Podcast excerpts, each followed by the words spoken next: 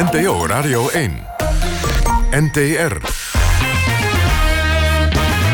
Kwesties met Marianne van den Anker en Rob Oudkerk. Vrienden van de radio, een hartelijk goedenavond. Welkom, het is u niet ontgaan, deze oudejaarsavond... bij de laatste uitzending van Kwesties. Het is het live debatprogramma van NPO Radio 1... waarin wij actuele en brandende kwesties in Nederland bespreken... met u en met de genodigden hier in de bus... en zo direct ook met Marjan van Anker. U kunt meekijken in deze bus via onze Facebookpagina. En medisociëren kan ook via de Radio 1-app en via Twitter... en gebruik dan de hashtag kwesties. Het vuurwerk was flink bezig toen ik hier naartoe reed in Amsterdam. We staan met de bus vlakbij de voormalige Bijlmer Baai. eigenlijk op het Binnenplein. En we blikken terug op een paar heftige gebeurtenissen in het afgelopen jaar... waar veel over is gesproken, ook in dit programma. En dat doen we met één op één gesprekken met een paar mensen... die we al eerder hebben gezien in deze bus. In de meest spraakmakende uitzendingen van kwesties. En we gaan het over een aantal dingen hebben. Over ondergewaardeerde vrouwen, seksueel geïntimideerde vrouwen... machtige mannen, machtige vloggers en onmachtige zorg. Dat alles, zo direct. Maar zoals elke week gaan we eerst naar Marianne van Anker. En zij zit lekker binnen op de bank. En volgens mij in Soest, Marianne. Ja, Rob, dat klopt. Eh, in Soest eh, op bezoek bij eh, de familie van homoactivist en politicus Patrick van Rijn. De tafel staat hier vol met allerlei lekkers. Opa en oma zijn net binnengekomen. De kerstversiering is hier nog klaar. En in de straat wordt er keihard geknald door jong en oud. Patrick die was bij ons in de uitzending... dat twee jonge homomannen in Arnhem waren aangevallen... toen ze hand in hand naar huis liepen. Barbara Barend was woest en ook bij ons in de uitzending trouwens. En zij startte na aanleiding van het incident in Arnhem... de hand-in-hand actie. Barbara Barend zei daarover in kwesties dat voorlichting in het onderwijs moet komen. En niet alleen maar een beetje, maar heel stellig was zij daarover. Het liefst namelijk al vanaf de kleuterschool. We gaan eerst luisteren naar wat Barbara Barend daarover zei in onze eerdere uitzendingen. Dus je moet blijkbaar onderwijzen, omdat er blijkbaar nog steeds mensen zijn die van huis uit leren dat het vies is en dat het niet hoort. En die uh, moeten dan op school moeten die onderwijzen. En wat mij betreft gaan we ook deze jongens ook. Gaan we naar de huizen toe van die mensen. Gaan we naar die ouders. En gaan we ze vragen wat daar gebeurd is. Tenminste, ze gaan in de opvoeding. Dat ze twee jongens die hand in hand lopen in elkaar slaan. En ik denk uh, dat in ieder geval één van de dingen die we in de hand hebben... want we kunnen niet alle mensen van Nederland opvoeden... maar we kunnen wel verplicht stellen dat we dat op school onderwijzen. dat is helemaal niet ingewikkeld. En het hoeft ook niet in seksuele voorlichting. Want je gaat een kind van vijf daar helemaal niet over belasten seksueel. Maar ik kan ze wel uitleggen dat het gewoon heel normaal is dat jongens met jongens lopen, meisjes met meisjes. En ondertussen is eh, onze Patrick, onze gast, bezig om in huis eh, iedereen op te roepen... om alle telefoons eh, uit te zetten, want het schijnt te storen. Wij kijken hier uit op een hele gezellige familie. Patrick maakt onderdeel uit van een groot gezin, ook met pleegkinderen. Een van zijn broers is zelf christelijk. En had uiteindelijk geen moeite met zijn eigen homoseksualiteit. Patrick, jij bent niet alleen actief hier in Soest voor de politieke partij... straks binnenkort ook op de lijst voor burgerbelangen Soest. Maar jij bent natuurlijk ook degene die voor Wilders, niet eigenlijk voor Wilders... maar je hebt een Twitter-account dat jij beheert en dat heet Gays voor Wilders. We gaan weer terug naar het onderwerp waar we het over hadden. Fijn dat je er weer bent. Hij was even weg. Uh, jij vindt het ook heel belangrijk dat er in het onderwijs... veel meer aandacht gaat komen voor homoseksualiteit. Voorlichting, waarom is dat zo belangrijk? Nou, dat is ontzettend belangrijk omdat je kinderen leert... dat, dat niet alle mensen hetzelfde zijn. Hè? Dat niet alle mensen, uh, man, vrouw, uh, dat dat standaard is. Ehm, en dat homoseksualiteit gewoon, gewoon normaal is. We zijn gewoon mensen die gewoon werken, leven. En we vallen toevallig op een man of op een vrouw als je vrouw bent. Hè? Uh, 10% van de Nederlanders is, uh, of eigenlijk wereldwijd, is dat bekend. Uh, 10% van de mensen... op de 10 zelfs. Ja. 1 op de 10. Ja. Nou, kan je nagaan. Um, onderwijs, voorlichting, dat gebeurt eigenlijk al jaren. Toch zeg jij dat is niet genoeg ouders erbij betrekken. Waarom die ouders? Omdat uh, in bepaalde groepen, uh, waaronder met het islamitisch geloof... maar ook het christelijk geloof, uh, vanuit het huis toch wel nog wel wordt gepredikt... dat het niet normaal is. En... En we moeten ook met die ouders in conclave dat, dat, of, uit gaan leggen... dat dit gewoon een normale, normale zaak van de wereld is. En is natuurlijk altijd de vraag Hoe dan? Want wou jij met allemaal makkers naar binnen gaan? Moeten die onderwijs dat doen? Moeten burgemeesteren doen? Hoe ga je het aanpakken om die ouders Nou erbij ja, te betrekken? Er zijn eh, mensen van, eh, die, net als ik, hè, maar die zijn actief voor COC of eh, andere organisaties die op scholen voorlichting geven. Laten die mensen dan ook voor, er zijn op het moment dat er oude avonden zijn, bijvoorbeeld. Hè? Want we hebben oude avonden, de, kind, of de scholen, dat daar ook een stukje voorlichting wordt gegeven over homoseksualiteit, emancipatie en acceptatie. Stel je komt op zo'n ouderavond en je bent daar voorlichter in het een mooie geval. En je ontdekt daar of zwaar, zwaar christelijke ouders of zwaar islamitische ouders die gewoon zeggen: Mijn zoon of dochter hoeft er niet mee aan te komen. willen ook geen docenten voor de klas die homoseksueel zijn. Wat doe je dan? Wat zeg je tegen die ouders? Wat ik tegen die ouders zeg, dan, dat ze maar dan naar een school of, Ja, dat dit gewoon de Nederlandse eh, maatschappij is. En dat het hier in Nederland gewoon geaccepteerd is. Homo's en se- bis- biseksuelen, eh lesbiennes, die mogen hier trouwen. Eh, ze mogen kinderen hebben. Dat dit gewoon een normaal... En ze mogen van mij hun eigen mening hebben. Maar hou het lekker dan voor jezelf. En ga anderen er niet mee lastigvallen. Ga ook je kinderen niet ermee lastigvallen. Laat je kinderen alsjeblieft hun eigen gedachten ontwikkelen. Hoe ze erover willen denken. Maar indocteer die kinderen gewoon niet. En daarmee hoop je eigenlijk ook dat eh, kinderen die thuis wonen bij ouders die er niet zo voor zijn, misschien toch zelf ook uit de kast durven te komen. Ja, dat vind ik ook heel erg belangrijk. Hè? Want er zijn ook heel veel islamitische jongeren... of christelijke jongeren die niet uit de kast durven te komen... omdat hun ouders zo zwaar gelovig zijn. En eh, daar maak ik me ook zorgen over. Want het is voor hun namelijk geen leven. Het is gewoon geen leven. Ik heb de mazzel gehad dat ik het wel kon. En ik heb er nog moeite mee gehad om uit de kast te komen. Dus laat staan dat hun het durven. Nou lag het eh, in Arnhem uiteindelijk toch een beetje anders, bleek, eh, bleek later. Nadat er een spraak, toch sprake was dat de homo, het homostel vanwege islamitische jongeren was aangevallen. Eh, jij woont zelf in een buurt met veel eh, allochtonen, veel nieuwe Nederlanders. Jij voelt je daar nog steeds niet veilig, juist vanwege jouw homo zijn. Wat gebeurt er jou? Want je hebt al heel vaak aandacht voor gevraagd. Ja, nou, ik, eh, ik ben al twee keer in elkaar geslagen in het verleden. Het is al een paar jaar geleden. Ehm, en dat gaat je echt niet in de koude kleren zitten. Schelpartijen, als ik van, de, van de flat naar de Albert Heijn loop of naar de Lidl... en er staan een groep hangjongeren, dan is het... eh hey K, ik ga het niet volledig noemen, maar hey K, homo, vuile flikker. Eh, ik heb een ex-vriendje gehad, die is er naartoe gelopen en die zei van... eh, Goh, eh, dat zei je gisteravond niet toen je bij mij in bed lag. Dus die had zijn bekkie wel, maar... Ja, nou, ik doe zelf net alsof dat ik doof ben en ik loop door. Want ik weet gewoon, als ik daarop inga... dan heb ik gelijk tien jongeren bovenop me. En daar zit ik gewoon echt niet op te wachten. Ehm, maar ik heb hoe ver durf jij te gaan in waar het nou aan ligt? integratie, immigratie. Als we nu al zien eh, met eh, de eh, Afghanen en de Syriërs in, in AZC's... de, de homoseksuelen, dat die al apart gehuisvest moeten gaan worden... omdat ze gepest worden, gedreigd, bedreigd worden... of zelfs ge- geweld wordt gebruikt omdat ze homo zijn. Dan heb ik zoiets ja, dan zijn we toch wel heel verkeerd bezig. Pak die daders, zet ze er onmiddellijk uit. Want ze horen hier gewoon niet thuis. Want we importeren het gewoon. En niemand heeft gewoon oogdoppen op of zo, iedereen. En, nee, dat leren ze wel aan, dat het hier niet hoort. Nee, grens over. Ik ben daar zo hard in geworden. En, en dat heeft niks met hun, hun achtergrond te maken of wat dan ook. Nee, puur het gedrag. Dat is waar ik me aan stoor. En niet alleen aan stoor, want jij bent iemand die ook elke keer weer hier de burgemeester bezoekt, naar de politiek stapt en nu zelfs in eh, het kader van de gemeenteraadsverkiezingen ook op de lijst gaat staan. Maar niet voor de PVV. Voor welke partij en waarom? Nou, de PVV doet niet mee Soest. Ik heb het wel geprobeerd om te kijken of de mensen hè, willen en durven.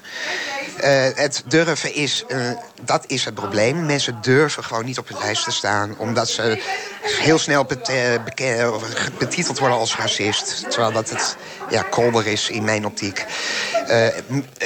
Tegen mij wordt het ook wel eens gezegd. Maar ik ben daar heel erg ongevoelig voor geworden. Want ik heb zoiets van, je klets uit je nek en... Maar stel dat de PVV Soest had willen veroveren, had jij voor hen op de lijst willen gaan staan. Ja, zeker.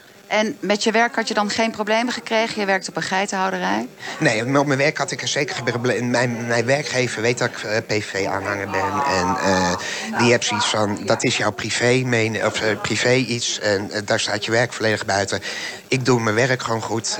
sterker nog, hij zou niet zonder me kunnen. Dus hij zegt ook van, je doet je werk goed. En dat is gewoon, dus daar heb ik gewoon mijn mazzel mee. En ja, ik, wat dat betreft gewoon een ideale werkgever op dat vlak.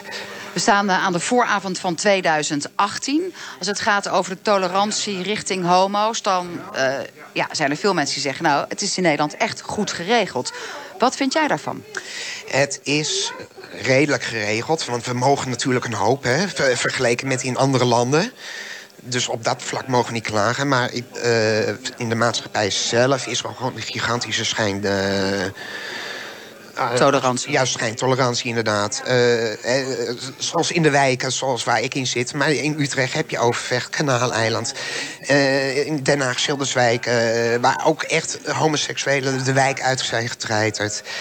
Um, uh, en ik zie ook in de vlogs zie ik gewoon echt een, een, een, een, een toename aan uh, discriminatie en, en verwensingen van geweld jegens homo's. Ik heb dit jaar al twee vloggers aangifte gedaan tegen twee vloggers. Voorheen nog nooit. En, ik heb ook diverse meldingen gemaakt bij, bij politie van vloggers die gewoon echt homogeweld en discriminatie vloggen. Het gaat verder dan schijntolerantie. Er worden gewoon strafbare feiten dan gepleegd. Ja, nou, in sommige gevallen niet. Maar dan uh, is het wel dat je melding kan maken. In andere gevallen heb ik wel aangifte kunnen doen. Zo was uh, Beter Bekend TV, die, uh, dat, was een, de interview vroeg van... wat zou je doen als je zo'n homo zou zijn? Er werd op geantwoord van ik zou zijn pikkie eraf snijden... zodat hij geen homo meer kan zijn. Nou, dat is gewoon aanzetten tot geweld desnoods tegen je eigen kinderen... als, als ze uit elkaar zouden kunnen komen. Maar daar heb jij aangifte van gedaan, er is nog niks over bekend... hoe dat die zaak is afgelopen? Nee, nog niet. Uh, wel is er een pizzacourier geweest... en uh, die uh, heeft dus uitlatingen gedaan. Die waren niemals. En, als vlogger? Als, nou, die werd geïnterviewd als vlogger, door de vlogger. En ja, die heeft de pech gehad dat hij erkend werd door zijn werkgever... naar aanleiding van een mail van mij. En die is ontslagen. Dus ja, dan, dan doen we het gewoon op die manier. Beetje gerechtigheid dan toch, hè? Jij zegt schijntolerantie. Uh, vooral door jouw verhaal heen komt naar voren... dat dat toch te maken heeft met de islam en moslims. Maar ook heel veel gewone normale Nederlanders, zeg maar, zonder ja, een uh, stevige... de de ja? Urkers, hè, in Urk. Die zijn ook niet zo dol op homo's. Hoe verklaar je dat dan? ook het geloof, het, het, het, het, strenge christelijke geloof, het strenge islamitisch geloof. Daar, daar, die, die zitten er zo in. Uh, ook, dito. Uh, in de Pinkstgemeente wordt het ook niet echt geaccepteerd. Maar dan komen met het woord uh, de integratie moet beter... of de integratie is mislukt, komen we niet verder. Want deze mensen wonen hier ook al eeuwen. Ja, nee, inderdaad. Maar op dat vlak ook gewoon betere voorlichting... ook op de christelijke scholen. Ook al weigeren ze. Desnoods leggen we het gewoon in de wet, wa, in de wet vast van... jullie zijn dit verplicht om dus op dat vlak gewoon informatie te, te, verschaffen aan, aan jullie jeugd, aan jullie jongeren. Heb jij het idee, omdat je ook zegt de schijntolerantie is daadwerkelijk toegenomen... dat betekent dat de positie van homo's in Nederland achteruit gaat... komt dat juist omdat geloven sterker in de opkomst zijn, alle geloven? Um, nou ja, op, op vlak. Ja, je ziet dat er geloof in de opkomst zijn.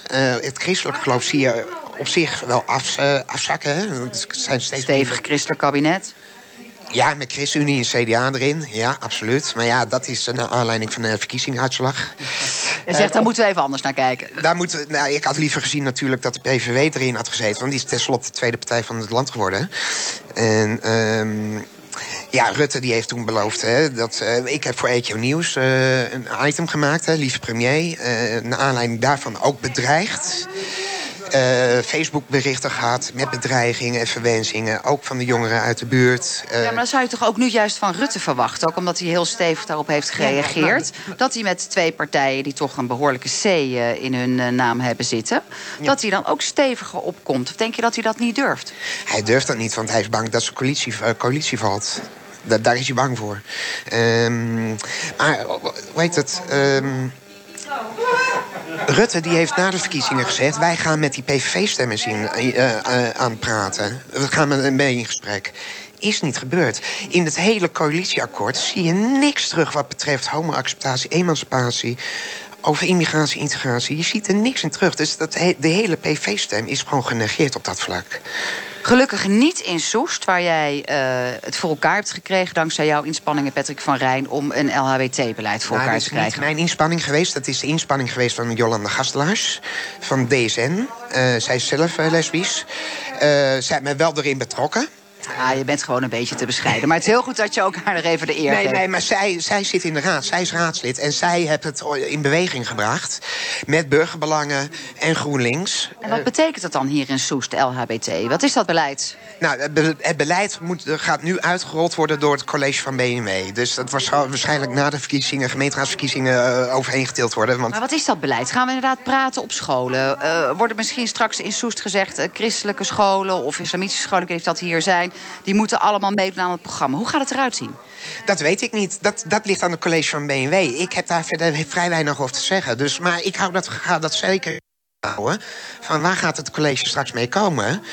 En als het nodig is, dan ga ik daar gewoon op uh, afvuren. Of ik nou in de raad zit of niet, ik ga erop afvuren.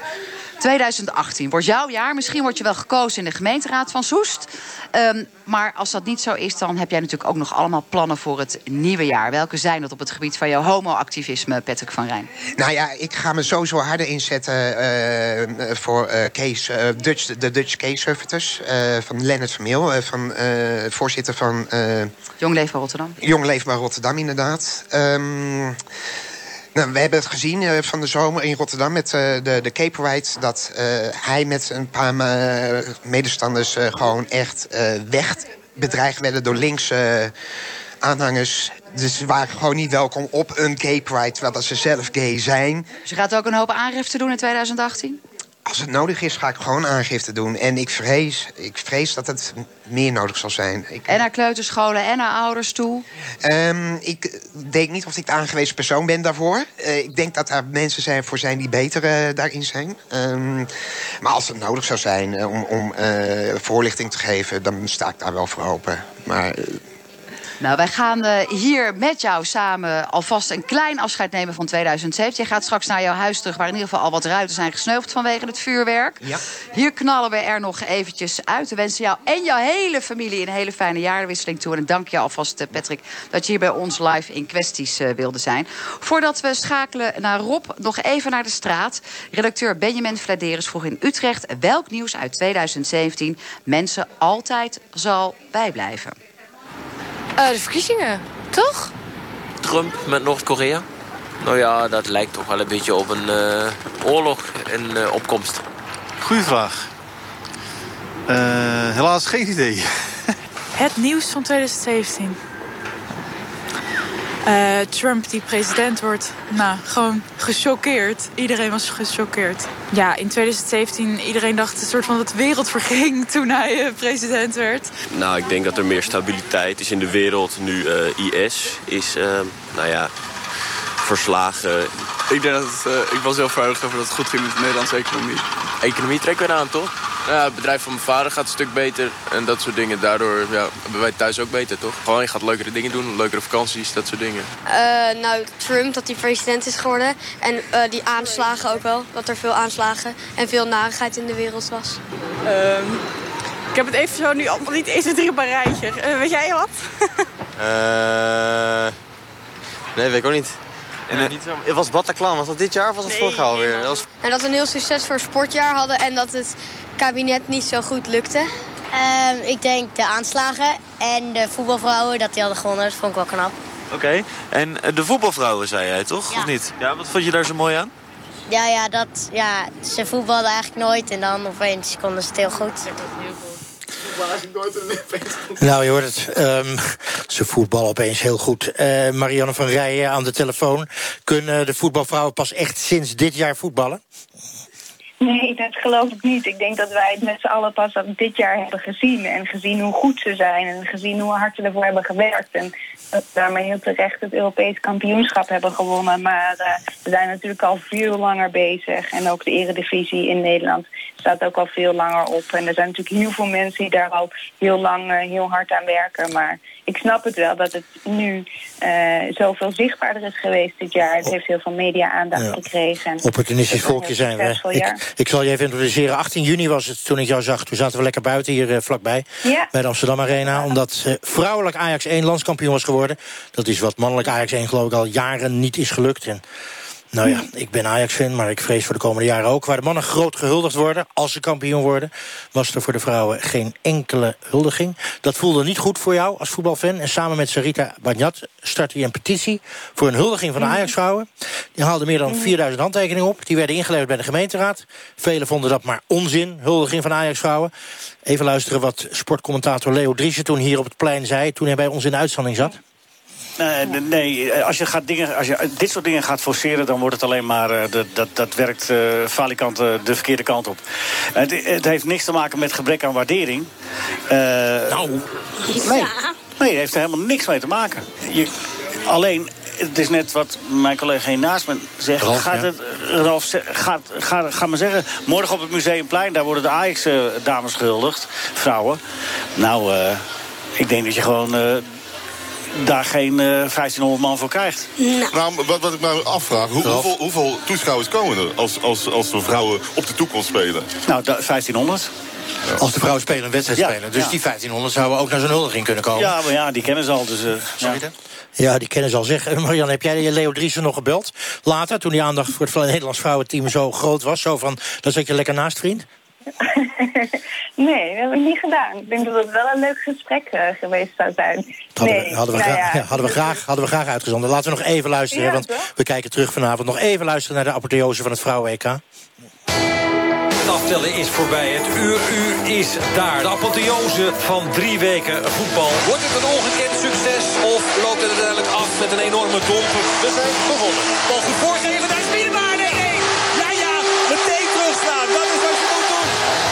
wegdraaien van Martens kan schieten met links.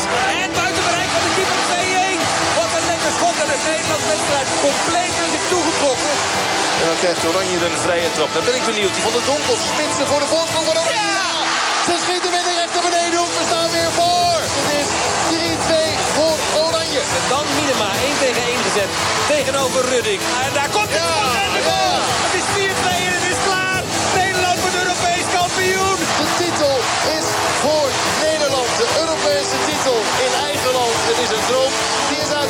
Zeg.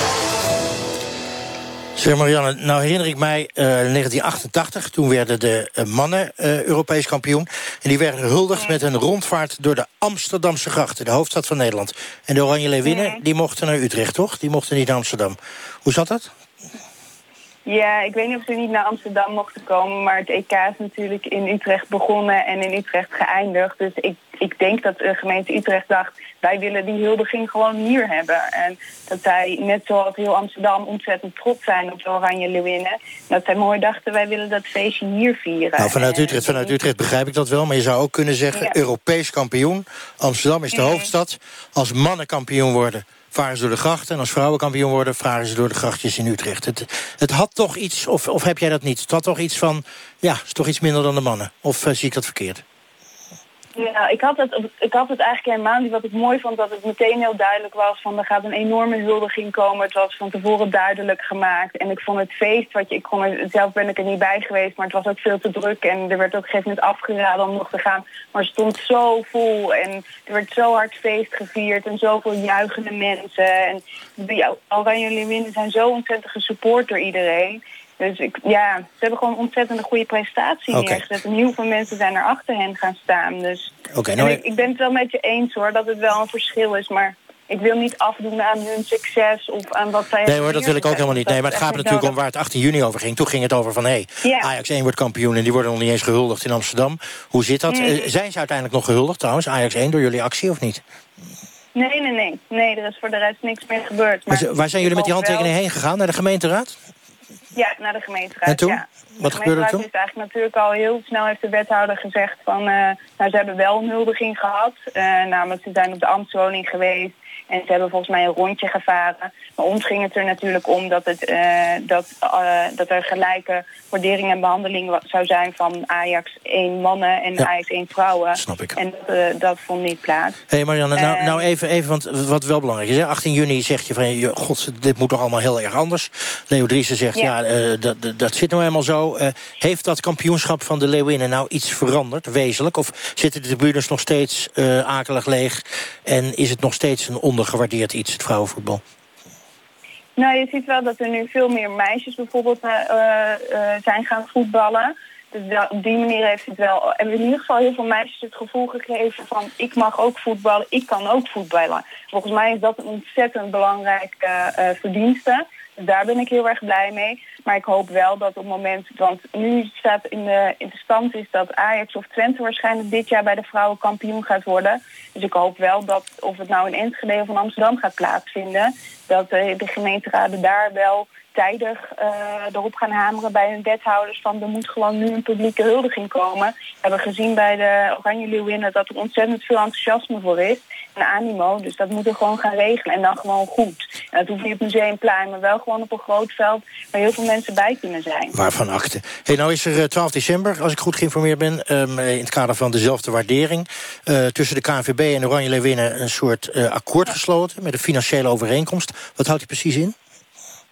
Dat weet ik niet precies. Wat ik ervan heb gelezen is dat Oranje Leeuwinnen zelf eh, er blij mee zijn. Lieke Martens zei van, nou, er is een, volgens mij ze zoiets van, er is een hele mooie stap gezet. En dit komt overeen met eh, de prestaties die wij hebben neergezet. En ik denk dat dat het belangrijkste is, want zij kunnen uiteindelijk het beste beoordelen ehm, wat ze vinden dat ze zouden moeten verdienen. En ik kan me voorstellen dat het in de toekomst natuurlijk wel verder nog gaat groeien, want ze blijven het gewoon goed doen. Je ziet het ook nu richting het WK, de kwalificatie voor de WK. Ja. Die wedstrijden zijn ook allemaal uitverkocht. eh, dus eh, ze blijven dat gewoon hartstikke goed doen. Ja. Dus eh, nou, misschien straks wel. Moeten ze natuurlijk niet nog een keer 0-0 gaan spelen. En nog één vraag aan je.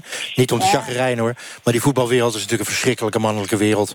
Dat zie je bij Voetbal Insight nogal vaak door de week. Mm. Dat bleek in onze uitzending ook. Is dat niet gewoon het grootste probleem? Dat het gewoon een mannetjeswereld blijft?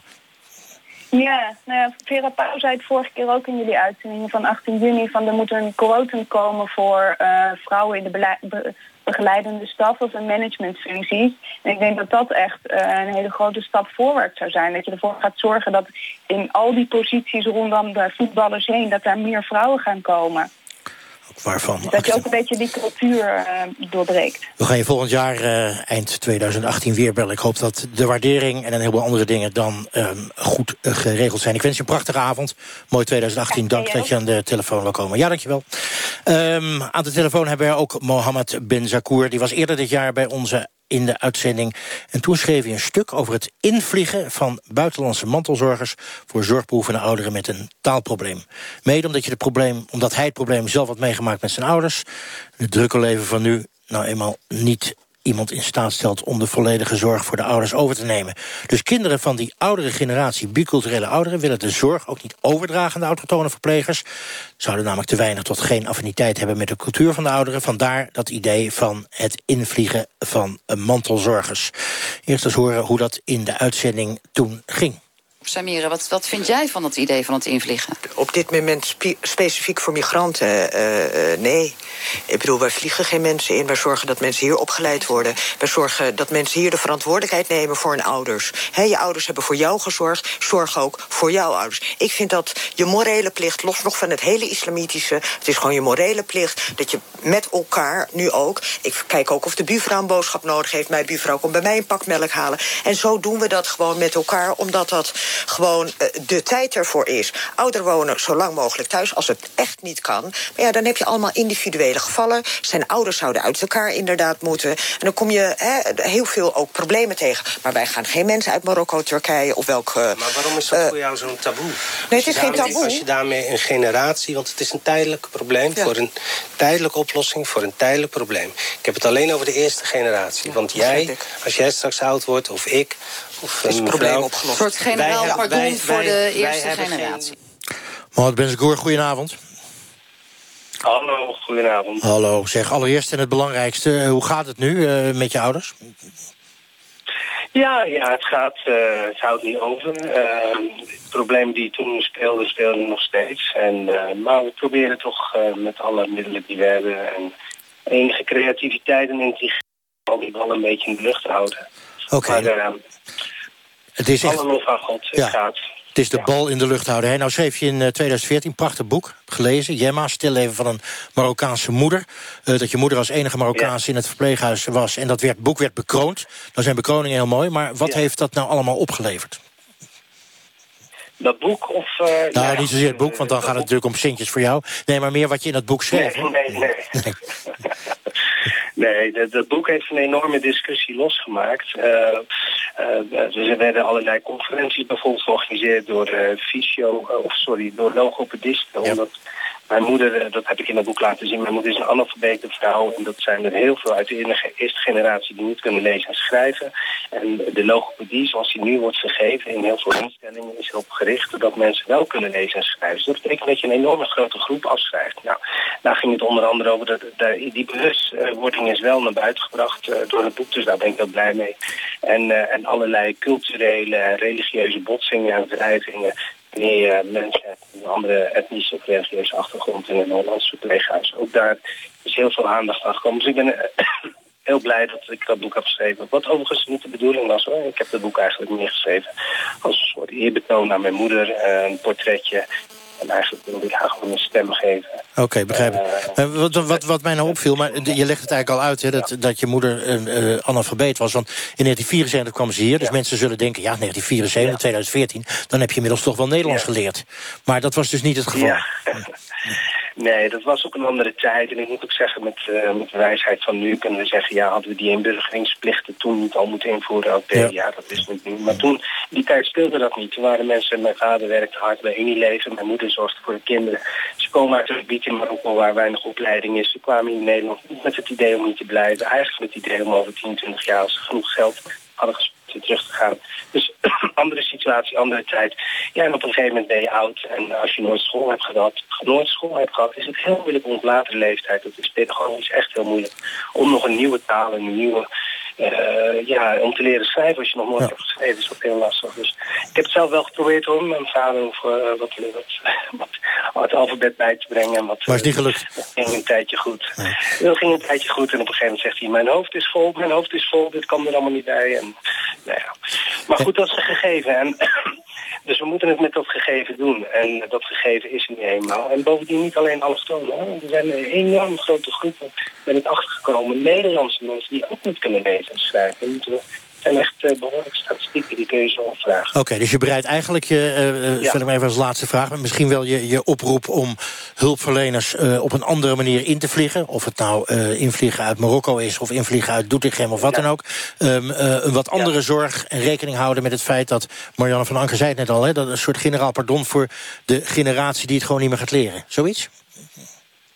Ja, het, het is te laat. Dus, maar we zitten wel met die mensen. En die mensen die gaan niet terug naar Marokko of Turkije. Die mensen blijven hier bij hun kinderen. Daar zijn ze ontzettend van afhankelijk. En die- voor die mensen moeten we een oplossing vinden. En wat eh, die mevrouw in de radio-uitzending zei, daar ben ik het ook wel mee eens. Maar dat is een lange termijn oplossing. We zitten nu met een acuut probleem en daar moeten we iets voor bedenken. En, ja, ik heb een idee geopperd wat volgens mij eh, eh, ligt in de lijn van au pairs en expats. Daar, daar doen we allemaal niet moeilijk mee. Hè. Ja. Moeilijk over als we die invliegen uit andere landen. Maar hierover het gaat over migranten. Ja, dus dat snapte ik niet. Oké, Mohammed, je oproep is alweer duidelijk. Ik wens je, en, eh, ondanks alles, misschien wel dankzij alles... een prachtig eh, nieuwjaar en eh, veel plezier vanavond. Dank dat je in de uitzending wil komen. Een van de gasten in de bus ondertussen tekent een hartje hier op het beslagen raam. Daar ga ik zo direct echt iets over vragen. Zo direct gaan we namelijk verder in deze bus over vloggen, over FOMO, over social media en ook nog over andere dingen. Maar eerst voor een laatste keer terug naar Utrecht. Benjamin Flederis, een redacteur die ons gaat verlaten over 3,5 uur, want dan gaat hij een andere baan nemen. Die vroeg aan Utrechters daar ook een voorspelling te doen wat het nieuwsonderwerp van 2018 zou worden. Nieuwsdingetje van 2018 is dat wij uh, als mensheid uh, achter gaan komen... dat we bezocht worden door buitenaardse wezens. Als u uh, een keer onderzoek gaat doen op het internet... dan komt u tot dezelfde conclusie. Met, met het kerstdiner hebben we het heel lang over virtual reality gehad. En over dat, maar we weten niet, ik weet niet zeker of dat dit jaar al meteen is... maar we denken dat dat wel gaat uitbreken en qua gamen... en dat dat meer een ding gaat worden. Jeetje, we hadden een, een vraag op de, op de vroegmorgen. Geen idee. Ik heb geen idee. Ik hoop dat het wat positiever is. Dat we heel succesvol op, het, uh, op de winterspelen worden. En dat we gewoon met het nieuwe kabinet een mooi jaar tegemoet gaan. Ja, dat Trump niet helemaal meer president wordt. Maar dat er iets, iets gaat gebeuren waardoor hij aftreedt. Nou, misschien dat hij eh, niet helemaal eerlijk president is geworden. Of eh, iets met eh, vrouwen of zo. Ik ben benieuwd wat social media gaat doen. Wat, uh, wat marketing, social media, privacy. Wat daarmee uh, gaat gebeuren. Waarom? Ben je daar zo benieuwd naar? Ik werk zelf bij een marketingbureau. Dus vandaar dat ik uh, daar heel benieuwd naar ben. Wat, dat gaat, wat daarmee gaat gebeuren, zeg maar. Of je nog een beetje centen kan verdienen dus. Precies, daar komt het eigenlijk op neer, ja. ja. Ja, ik hoop dat het gewoon een mooi jaar wordt. En dat, er geen, uh, ja, dat het gewoon leuk wordt en geen aanslagen. Geen aanslagen en wel buitenaardse wezens. Nou, je moet er maar komen. Uh, Elio, ik kondig je net al aan. Waarom teken je nou een hartje op die beslagen ruit hier? We hebben allemaal meer liefde nodig in 2018, denk ik. Voor elkaar. Dan is meteen die wens uh, duidelijk. Hey, jij was op uh, 6 augustus hier bij mijn collega Marianne... Ja. om te praten over de invloeden van vloggers. Veel jongeren, dat weten de oudere luisteraars niet... maar die kijken gewoon naar filmpjes van Nicky Tutorials, Monica Geuze... en zo Knol, en zo kan ik nog wel een tijdje doorgaan. moeder Hester Vast die schreef een brief aan de vloggers... en de bloggers trouwens ook... omdat ze vreest voor te grote invloed op kinderen. En volgens jou, Elio, moeten ouders gewoon zelf veel meer verantwoordelijkheid nemen... voor het social media gedrag van hun kinderen. Eerst even een fragment uit die uitzending van 6 augustus... met moeder Hester en vlogger Rowan. Ja, ik denk dat je daar als ouder zeker een heel belangrijke rol in hebt. Daar mag je ook niet voor weglopen. Maar je kunt gewoon niet alles zien en meemaken wat, ze, wat zij kijken online. Dat, dat is gewoon niet te doen. Dus dan denk ik, ja, weet, weet wel wat je ze toont. En uh, ze mogen het inderdaad pas vanaf 18. Dus wat dat betreft uh, valt het allemaal wel mee. Maar als je ze tot hun 18e laat zien dat het heel normaal is... om je lippen op te spuiten, uh, je voorhoofd plat te botoxen... dan denken ze vanzelf, oh, nou ja, dat moeten we dan ook maar gaan doen. Ik vind het een gedeelde verantwoordelijkheid. Kijk, als YouTuber, vlogger, influencer, hoe je het ook wil noemen... heb je nou eenmaal een podium. Um, waarschijnlijk wilde je dat podium, ben je er achteraan gegaan. Dus doe dan in mijn hoofd zou het zeg maar logischer zijn om dan ook verantwoordelijke of slimme dingen te doen met zeg maar zo'n groot podium dat je krijgt. Uh, tegelijkertijd natuurlijk, het blijft een verantwoordelijkheid van ouders. Maar ouders uh, zijn niet 24-7 bij hun kinderen. Ze zijn er niet bij wanneer kinderen op school zijn met vriendjes, vriendinnetjes praten, spelen, wat dan ook wat ze dan te horen krijgen. Dus ik denk dat het te makkelijk is om als YouTuber te zeggen van boeien, ouders moeten het doen. En als ouder is het te moeilijk om het alleen te doen. Elio, het vloggen is buitengewoon populair. Misschien wel populairder op dit moment uh, dan radio. Waar ligt nou de verantwoordelijkheid als er op die vloggen van alles te zien is en te horen is... waarvan je denkt, dat zou eigenlijk niet moeten. Ligt die nou bij die kinderen die kijken, bij de ouders, bij... En toen viel ik stil. Ja, ik denk dat je de vergelijking kan maken met vloggen en tv. Daar dacht ik later aan van op tv zijn kinderen natuurlijk ook dingen... waar ouders misschien niet helemaal mee eens zijn voor de leeftijd. Dan heb je natuurlijk parental advisory, weet je, 12 ja. jaar, 16 jaar. Maar reclames, want dat soort dingen worden vaak over gepraat natuurlijk. Dat vloggers indirect reclame maken voor producten. Dat zien ze natuurlijk wel gewoon, ook bij kinderprogramma's. Is vlog eigenlijk nieuwe televisie?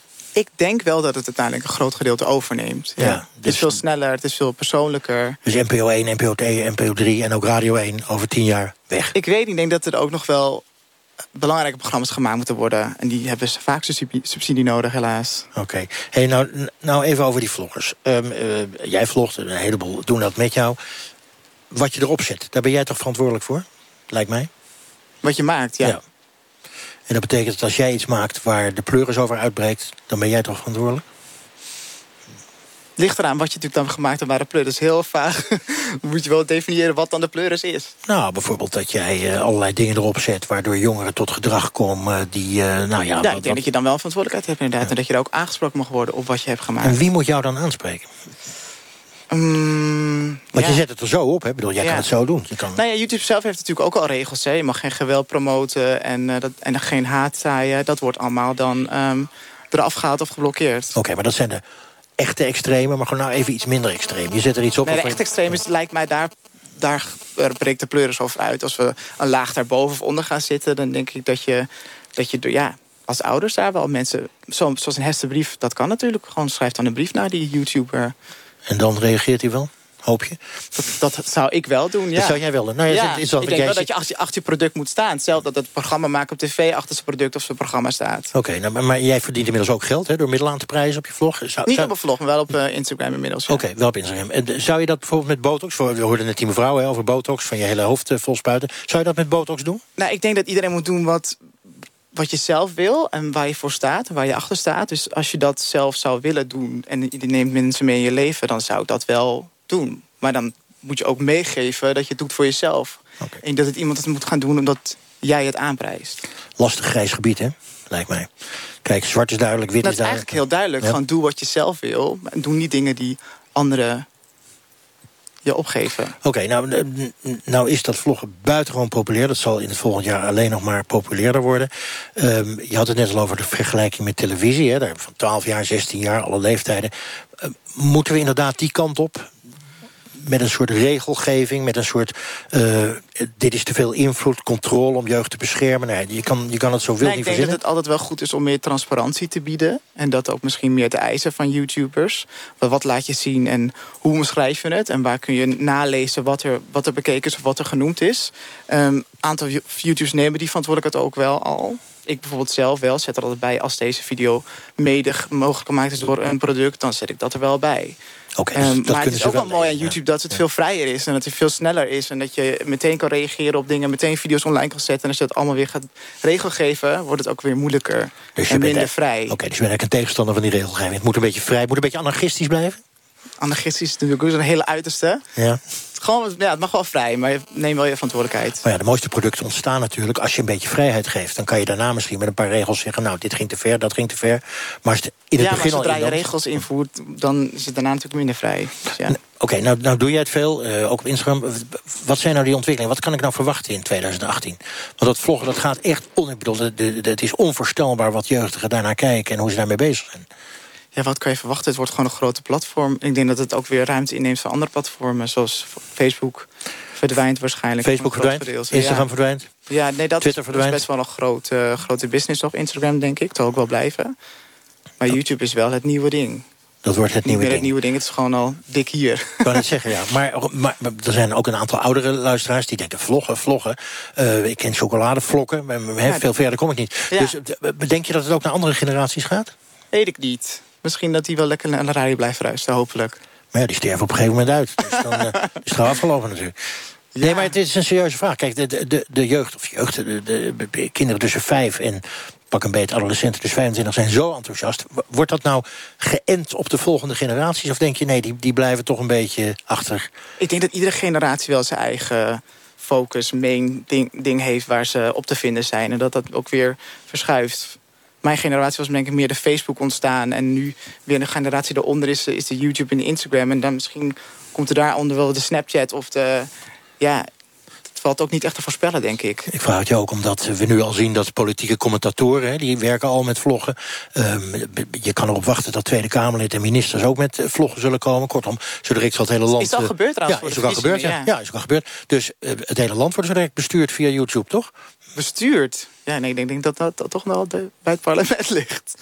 Beïnvloed. Dan Beïnvloed. bestuurd. Nou, oké, dus niet bestuurd, maar wel beïnvloed. Maar Ja, als die Maar beïnvloeding... dat de tv natuurlijk ook, dat doe jij nu ook. Oké, maar, als die be- maar als die beïnvloeding zo groot is via het vlog en via YouTube... dan zou je dus kunnen zeggen dat het indirect op die manier Maar ook hoe groot gestuurd is wordt. het? Ik heb daar nog Nee, geen onderzoek over gelezen, Nee. ja. Nee, er is, er is er veel te weinig onderzoek naar ja, misschien, hè? ja nou, meer onderzoek is natuurlijk altijd goed. Zou dat een pleidooi zijn voor 2018 van jou? Ja, doe een goed onderzoek naar.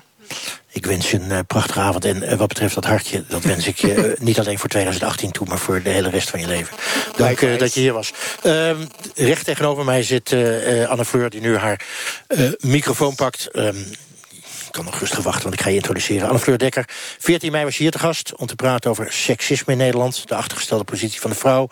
Eh, en in april was je ook op tv bij Jeroen Pauw. We hebben dat allemaal kunnen zien. Je had nogal uitgesproken standpunten. En vooral op social media leidde dat tot vrij veel seksistische opmerkingen... om het nog eens eufemistisch uit te drukken.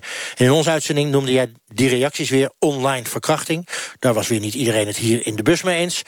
Hadden een andere gast, dat was de bekende econoom en columniste Helene Mees. Die hield het niet meer uit en die verliet tien voor negen... eh, onze uitzending en de bus. Laten we daar nog even naar luisteren. En je moet al helemaal niet hier met z'n tweeën iemand gaan lopen mansplainen over hoe je daarmee om moet gaan. Sorry. Onironisch mansplainen gebruiken, echt? Ja. Ga naar school, joh. Wat, wat is dit? En dan Stop. ga ik... Wat? Tijdens jullie discussie, die ongetwijfeld door veel luisteraars is gevolgd... konden mensen die op internet eh, keken zien dat wij iets unieks in de bus hebben meegemaakt. Namelijk dat Helene Mees eh, de bus verlaten heeft. Enig idee uit protest. Enig idee waarom ze dat zou doen, Jesper? Eh, omdat ze het vervelend vond wat er gezegd werd, of misschien de toon. Waarschijnlijk omdat, ze geen, omdat zij gewend is om debat op een iets hoger niveau te voeren dan dit. Anne Fleur, was dat een, eh, een, een laag niveau debatje? Ja, dat was echt vreselijk. Ik moest lachen. Ik, zei, ik gebruikte de term mensplanning. Dat doe ik normaal dus echt nooit. Omdat ik dat gewoon... Maar het was op een gegeven moment... Ik was helemaal flabbergasted. Omdat er gewoon in plaats van... Hè, je kan hebben over de positie van de vrouw in Nederland. Maar dit ging over van... eh, jullie moeten terug naar school, meisjes, dit en dat. Jullie snappen er niks. Jullie moeten naar onze stoere jongens luisteren. En ik snap echt dat dat Helene eh, wegliep op een gegeven moment. Waar ben jij niet weggelopen dan? Ja, ik weet het niet. Ik denk van, ik, ik kijk uiteindelijk of er misschien nog een keer iets zinnigs uit gaat komen. Of dat Maar er dat naar een punt... Ja. Nou, het, het ging... Ja, nee. Het, het is een beetje op hetzelfde. Het bleef op één eh, plekje hangen, zeg maar. Hey, nou, nou krijg jij eh, heel veel seksistische eh, berichten. Wa- Wat, wat, wat doe je daar eigenlijk mee? Negeer je Hm. die? Of wat, wat, hoe werkt dat? Nou, ik moet zeggen, het went ook wel hoor in de loop van de Het tijd. went?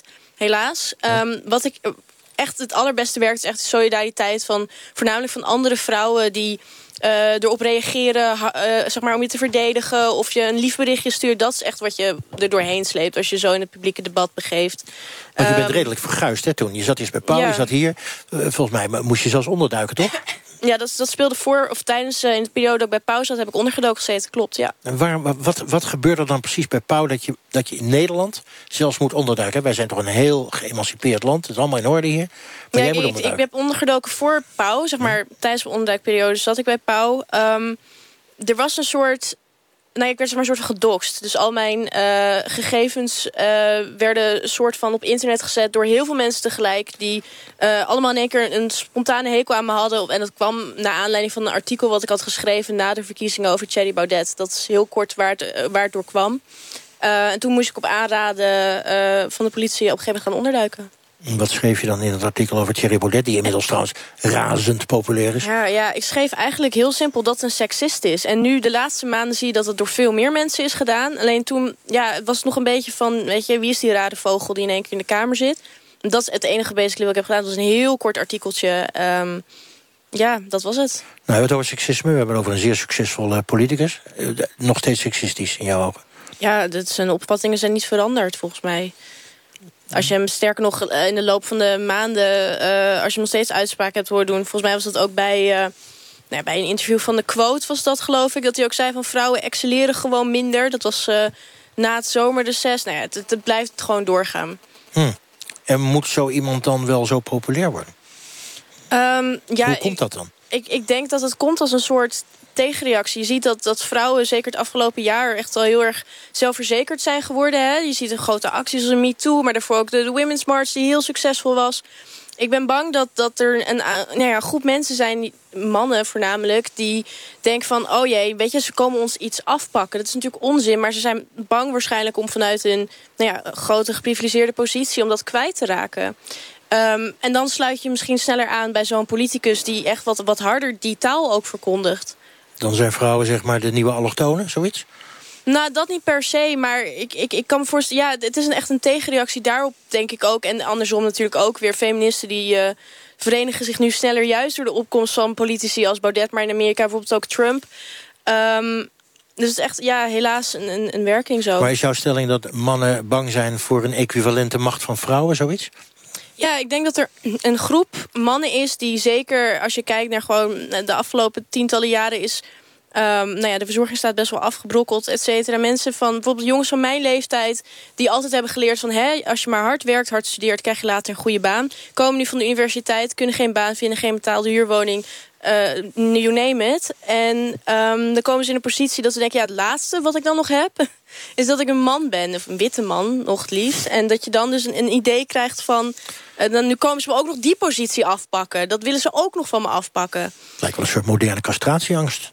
Ja, zo zou je misschien wel kunnen noemen. Moderne castatieangst. Ja, het is voornamelijk gewoon een beetje ja, bang om iets kwijt te raken. terwijl dat helemaal niet zo is. Kijk, feministen willen dat vrouwen en mannen op een gelijke positie komen. We willen niet die mannen naar beneden trekken. We willen niet daarboven staan. Gewoon op een gelijke positie. Dat iedereen gelijk wordt behandeld in de samenleving. Helpt die uh, enorme MeToo-discussie, tweede helft van dit jaar... helpt die daar nou bij of juist niet? Ik denk dat die MeToo-discussie echt wel een, een heel duidelijk beeld heeft afgegeven... van hoe groot het probleem van seksueel geweld is, überhaupt. Eh, hoe wijd verspreid dat is. Dat het in alle lagen van de samenleving voortkomt.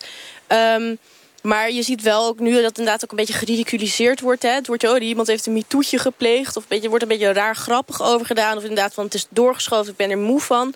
Um, ik denk dat dat ook aantoont dat niet die MeToo... Uh, alles gaat van, er moet echt de onderliggende problemen moeten worden aangepakt. Oké, okay, dus het is een hulpje in de huishouding, maar meer is het niet. Nou ja, ik denk dat het een heel duidelijk signaal is. Wat het wel heel erg duidelijk aangaf was... en wat ik net ook al zei, vrouwen zijn zeker het afgelopen jaar super zelfverzekerd. Um, dat die, die, die campagne die dus zo succesvol was... dat ook aangeeft dat vrouwen echt zelfverzekerd genoeg zijn... om dit soort onderwerpen uh, open over te praten. En dat is heel erg gaaf. Oké, okay, nou even naar jou persoonlijk. Uh, 10 juli van dit jaar... Pauwnet zegt dan... Heel Holland haat, haat Anne Fleur Dekker. Dekker. Ja. Oh, we kunnen het bijna simultaan gaan opzeggen, ja. ja. Uh, ik denk dat, dat dat is niet fijn om te lezen. Druk me nog even eufemistisch uit, denk ik. Klopt, en dat, dat was ook echt wel lastig. Um, ik reageer nooit zo snel op iets wat op Ponyus of Geen Stijl... of dat soort websites staan, want ik denk, ik, ik gun ze de aandacht niet eens. Uh, maar die vond ik heftig, inderdaad. Heel Holland haat Anders Verdekker. Um, overigens, later bleek dat, uh, nu weet ik dat 100% zeker dat het echt niet zo is. Dat het niet heel Holland is. Maar goed, nee. oké, okay, half Holland, maakt niet uit. Maar waarom, nou. roep jij, waarom roep jij zoveel reactie op? Waarom ben je zo irritant voor sommige mensen? Ja, nou ja, ik, ik denk toch dat heel veel mensen niet kunnen hebben... dat een meisje van 23 een hele harde mening heeft op sociale media... en als ze daarop nou, wacht even, ik ga, wordt... Sorry dat ik je onderbreek, maar dat was bij eh, de uitzending van Pauw zo duidelijk... dat je daar als jong meisje van de, 23, ja. misschien was je toen al 22... 22 zat, ja. En dat, dat er, zo ik herinner me die uitzending ook... Hè, dat er een stel heren zijn van, wat hebben we hier nou? Ja, meisje, nou? meisje. Meisje, meisje, ja. Ja, ik, ik denk dat, dan, maar dat is het ook misschien wel. Hè? Dan, dan, dan ben je het ergens niet mee eens en dan als je, je zit niet op een gelijke positie. Kijk, je bent dan inderdaad, ik heb mijn leeftijd dan tegen, zou je kunnen zeggen. Mensen vinden vaak iemand van jonge leeftijd, nemen ze niet zo snel dingen van aan. Um, ja, en dan, zo mee, en dan is dat makkelijker om een soort van daar je frustratie op af te reageren... dan op iemand van je eigen leeftijd of van je eigen geslacht, denk ik. Oké, okay, dat, dat kan, maar, maar, misschien ben je ook wel niet handig. Want je, je hebt op een gegeven moment, zei je... ik geloof dat daar ook uh, reacties op waren. Hè? Veel reacties. Wie gaat er mee 500 stenen gooien mm. naar Geert Wilders? Nee, nou dat was uh, zeg maar een soort contra-reactie op iemand die mensen aan het ronselen was... om een moskee te gaan bekogelen met stenen. Die zei van, dat vind ik een ludieke actie. Toen dacht ik, nou, eh, laten we stenen op Wilders gooien. Vind ik ook een ludieke actie. Overigens die twee jaar oud, hoor. Maar um, dat was om die hypocrisie aan te tonen... van dat als we moskeeën gaan lopen bekogelen, nobody cares. Maar als we, uh, in dit geval... als we daar zogenaamd die zouden gaan bekogelen... wat ik uiteraard ook niet van plan was... Um, dan is opeens wel, wel de rapengaar. Wat zoek jij het liefst? Polarisatie of harmonie? Ik denk dat um, polarisatie niet per se verkeerd is. In de zin van, ik vind het goed als mensen een, een, uh, uh, een duidelijke stellingname innemen. Ik denk dat dat ook nodig is, zeker als je het debat voert. Um, maar uiteindelijk ben ik wel van mening dat we het met z'n allen moeten gaan doen. Dus in die zin, beide tot op zekere hoogte. Oké, okay, nou ben je feminist, je bent activist. Max Pam, ik zal hem even citeren, die noemde jouw activisme onnozel en niet realistisch. Ja, Oké. Okay. Dan dat, denk je, uh, glijdt van mijn schouders af. En ja, zeg je, ik, dat doet me niet zo heel erg veel. Je denkt, laat maar lullen. Laat hem maar lullen. Ja, hij kan het onnozel vinden, maar ondertussen... Ik heb bijvoorbeeld vandaag hartstikke leuk... hebben we mijn eerste YouTube-filmpje. Ah. Samen, in, sa ja, in samen, niet voor mezelf, maar in samenwerking met, met Peter. Dat is een bekende YouTuber. We hebben een filmpje gemaakt over feminisme. Um, en wat het bijvoorbeeld in dit geval ging het heel erg over... Um, waarom feminisme ook goed is... of jongens dat ook zouden, zichzelf feminist zouden moeten noemen. We hebben dat vanochtend op internet gezet. En echt, nou ja, het is binnen een, een uurtijd een paar duizend keer bekeken. En echt mega veel positieve reacties. En mensen die je ook ziet van... oh, weet je, jongens die reageren... oh, ik ga me vanaf nu ook feminist noemen. Dat is zo gaaf. En dan denk ik, ja, dan kan die Max Pam kan dat wel zeggen. Maar ja, wat heeft hij uh, teweeg gebracht? Geen idee verder. Um, dus ik, dat is hartstikke... Ja, ik ik laat het van me afglijden. Janne Fleur, is het ook een beetje oud tegen jong? Nou, weet ik niet per se. Ik denk, dat, ik denk wel, er is wel altijd... en dat hadden we net ook al over met sociale media überhaupt... er wordt natuurlijk altijd door de oudere generatie... een beetje met een scheef oog gekeken naar de jongere generatie. Dat is altijd gebeurd. Ik bedoel, de jaren 60, 70, hip, als je kinderen hippies waren... ging je er ook raar over doen. Dus uh, volgens mij is dat gewoon iets wat altijd speelt. Um, er breekt een nieuwe tijd aan en je ziet uh, progressieve onderwerpen onder jongeren over dit moment om iets heel anders te doen. Bijvoorbeeld Zwarte Piet. De meeste jongeren willen van Zwarte Piet af. Uh, ouderen misschien niet, maar je ziet progressieve onderwerpen onder jongeren leest veel meer en die zijn er ook veel meer mee bezig. Maar in die zin is dus, we hadden het net natuurlijk ook al over vloggers en over de, de invloed van vloggen ten opzichte van televisie en radio. Misschien is het wel een hele generatiewisseling. Ja. Dat die jongere generatie toch op een andere manier die maatschappij vorm wil geven of wil beïnvloeden dan die oudere generatie. Dus in die zin kan ik me die bedreiging ook wel weer voorstellen van die ouderen. Of ja, zie ik dat dat is gewoon. Ik denk inderdaad bang dat, dat je. Dus verandering is altijd eng en de meeste mensen zijn altijd bang voor verandering. Dat speelt zeker mee. Oké, okay, nou is het oudejaarsavond. Dat is de avond van de goede voornemens, geloof ik. Of nee, dat is morgen, geloof ik. Hè? Vanavond nee. mag het nog even knallen. Vandaag. Uh, oh, vandaag, goed. Nou, uh, wat is het goede voornemen van uh, Anne-Fleur Dekker? Voorzichtiger worden met uitspraken of de beuk Nee, nee ik, ik denk eigenlijk... ja, we gaan verder gaan met wat ik doe. Ik, ik, ben, ik denk niet, als, er, als ik iets moet doen, moet ik dat pers op 1 januari doen. Ik wil me nog harder gaan inzetten. En ik denk dat 2018 een heel goed strijdbaar jaar gaat worden wat dat betreft. Dus ik heb er heel veel zin in. Dat hebben wij met z'n allen. Het is 31 december, het is twee minuten voor negen. U kunt ook over deze uitzending met ons meepraten... via Twitter met de hashtag kwesties of op onze Facebookpagina kijken. Volgende week zijn we natuurlijk gewoon weer op 7 januari... ergens in het land, ik denk in Zaanstad, met brandende kwesties. Al daar. Zometeen Radiodoc over hele wonderlijke avonturen. En als ik één wens voor u heb komend jaar... dan wens ik u wonderlijke avonturen. Naast geloof, hoop en, zeg ik met Elio, liefde. Liefde, liefde, liefde. Heel veel liefde. Je kan het niet genoeg zeggen. Maar behalve zeggen kan je het beter gewoon maar doen. Ik dank jullie dat jullie hier waren. Iedereen een buitengewoon prettig en mooi uiteinde... en een fijne jaarwisseling. En tot volgend jaar.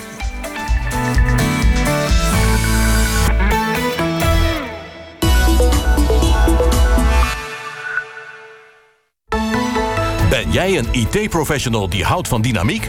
Wij hebben projecten die je blijven uitdagen. Veel vrijheid, mooie opdrachtgevers. Alles geregeld. Dat noemen wij staffing. Daar zijn we groot mee geworden. IT-staffing. Good thinking. Great company. IT-staffing. Onderdeel van de staffinggroep. Betaalt u ook nog te veel voor uw zorgverzekering? Wilt u in alle ziekenhuizen terecht kunnen? En vindt u een uitstekende service vanzelfsprekend? Ga dan naar promovendum.nl. Voor iedereen die een echt lage zorgpremie wil. De Gouden Radioring komt er weer aan. Laat nu weten welk radioprogramma u het mooist vindt. Laat uw stem horen op avrotros.nl slash radioring. U kunt alleen vandaag nog de zorgverzekering van Promovendum aanvragen. NPO Radio 1